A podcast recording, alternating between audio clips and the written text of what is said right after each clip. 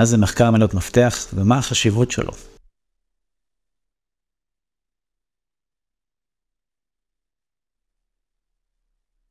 אז בסרטון הבא אני פשוט אסביר באופן כללי מה זה מחקר מילים, אם אתם רוצים לראות איך עושים מחקר מילים, או לפחות איך אני עושה מחקר מילות מפתח. חפשו סרטון שלי בנושא מחקר מילות מפתח, יש סרטון שממש מדגים בפועל איך אני עושה את זה.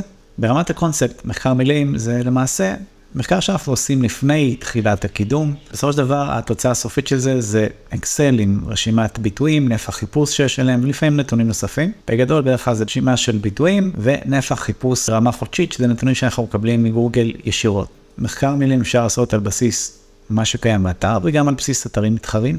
אני מעדיף להתבסס על מה שיש באתר. אם זה אתר שחסר בו הרבה תוכן אבל יש לו שאיפות גדולות, אז גם אני בודק קצת מתחרים וקצת מסביב, ובאופן כללי את התחום, להבין מה קהל היעד מחפש, וזה גם, אני גם מדייק את זה הרבה פעמים בשיחה עם הלקוח. עוד לפני המחקר, בשביל להבין בין מה הוא רוצה להתעסק, בין מה הוא רוצה להתמקד, הרבה פעמים יש פערים בין מה שהעסק עושה לבין מה שמוצג באתר, הרבה פעמים העסק עושה דברים שלא מצוינים באתר בכלל. דברים האלה חשוב להבין על מנת לעשות מחקר מדויק ואיכותי עבור הלקוח. מה שקורה לאחר מכן, הלקוח, לפחות אצלי, בתהליך שאני עובד איתו, מסמן, הטבלה, כל מיני ביטויים שהוא רוצה לקדם, באיזה סדר עדיפות, מ-1 עד 5 כזה, אז אני מקבל אומדן כזה, אוקיי, זה חשוב לזה, זה זה זה, עושים הערכת מצב, וכל הדברים מתוך המחקר, איפה הם נמצאים היום, איפה התחומים האלה, הביטויים האלה מדורגים נכון לעכשיו? בגוגל, ואז אנחנו עושים מעין אה, אישור קו והשלמת פערים. אם אני רואה שחסרים תכנים בנושא ככה וככה וככה, למרות שהלקוח סימן את זה כחמש, עדיפות הכי גבוהה לצורך העניין.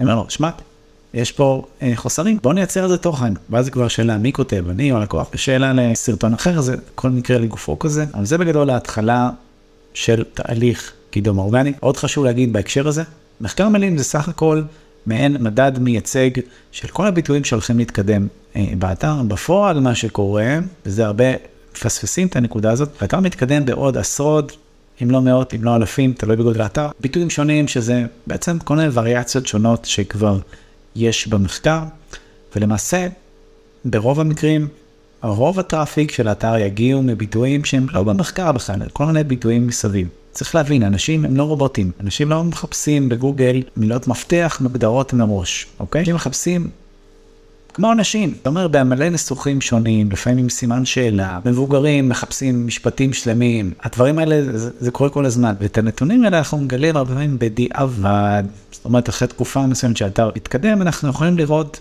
איך האתר נחשף, מה הביצועים שלו במנוע חיפוש. גוגל כמובן בעזרת כלים כמו search console ודברים אחרים, וככה למעשה מחקר מילים זה משהו שהוא לא נגמר לעולם, תמיד אפשר לרענן אותו, להוסיף עליו, לקבל השראה, לקבל עוד רעיונות, חשוב להבין את הדבר הזה. זהו בגדול חפרתי קצת על מחקר מילים, אם אתם רוצים מידע נוסף, כרגיל קישורים פה בתיאור הסרטון, שיהיה לכם בכיף ובהצלחה.